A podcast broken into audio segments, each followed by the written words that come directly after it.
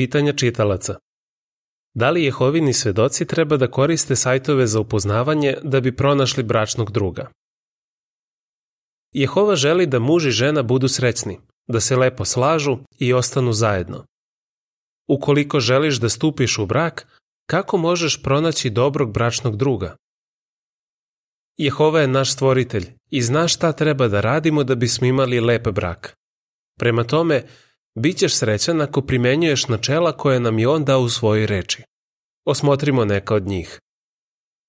Kao prvo, treba da budemo svesni ove činjenice. Srce je varljivije od svega i na sve je spremno. Jeremija 17.9 Kada dvoje počnu da se zabavljaju, emocije se mogu vrlo brzo rasplamsati. Tada je teško donositi mudre odluke.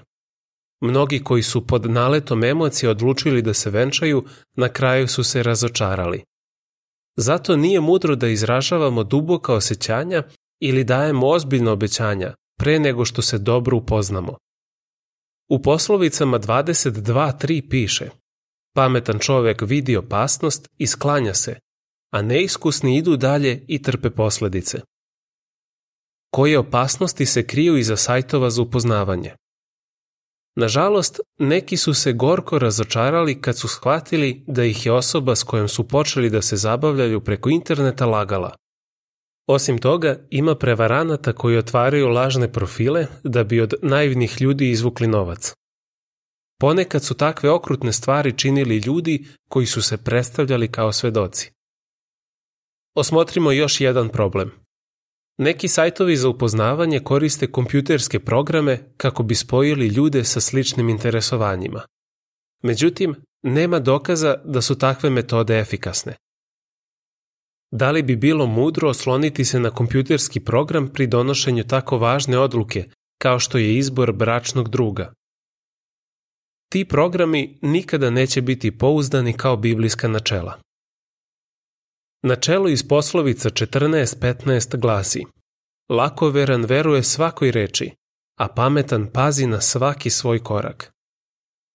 Pre nego što zaključiš da bi neko bio odgovarajući bračni drug, treba da ga dobro upoznaš. Ali to nije lako postići preko interneta. Čak i ako pratite jedno drugo na društvenim mrežama i često komunicirate, možeš li biti siguran da si stvarno upoznao tu osobu? Neki su mislili da su pronašli ljubav svog života, ali razočarali su se kad su se uživo sreli. Psalmista je rekao, ne družim se s varalicama i klonim se onih koji prikrivaju kakvi su. Psalam 26.4 Mnogima je sasvim normalno da lažu na svom profilu da bi sebe prikazali u boljem svetlu možda kriju svoje loše osobine ili one ne dolaze do izražaja kad se dopisuju s drugima. Vredi razmisliti o sledećim pitanjima. Da li je neko stvarno kršten Jehovin svedok ili se samo tako predstavlja?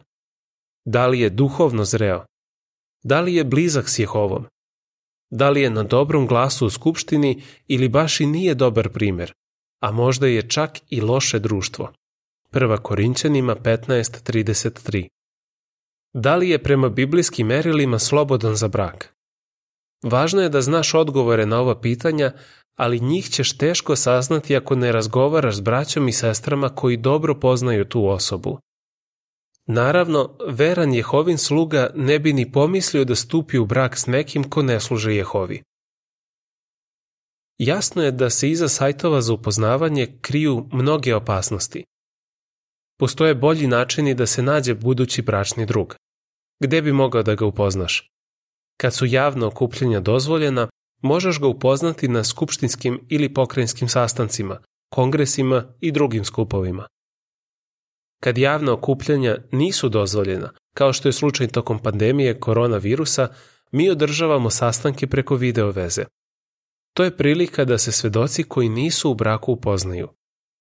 Možeš čuti kako neko iznosi svoje zadatke i komentariše. Nakon sastanka biste mogli da razgovarate u virtualnim sobama. Kad ste zajedno na druženjima preko video veze, možeš posmatrati kako se ponaša prema drugima i zapaziti kakve osobine ima.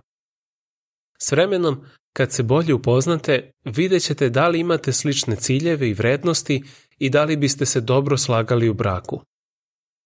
Kada se oni koji traže bračnog druga vode biblijskim načelima, veća je verovatnoća da će imati srećan brak i uverit će se u istinitost poslovice.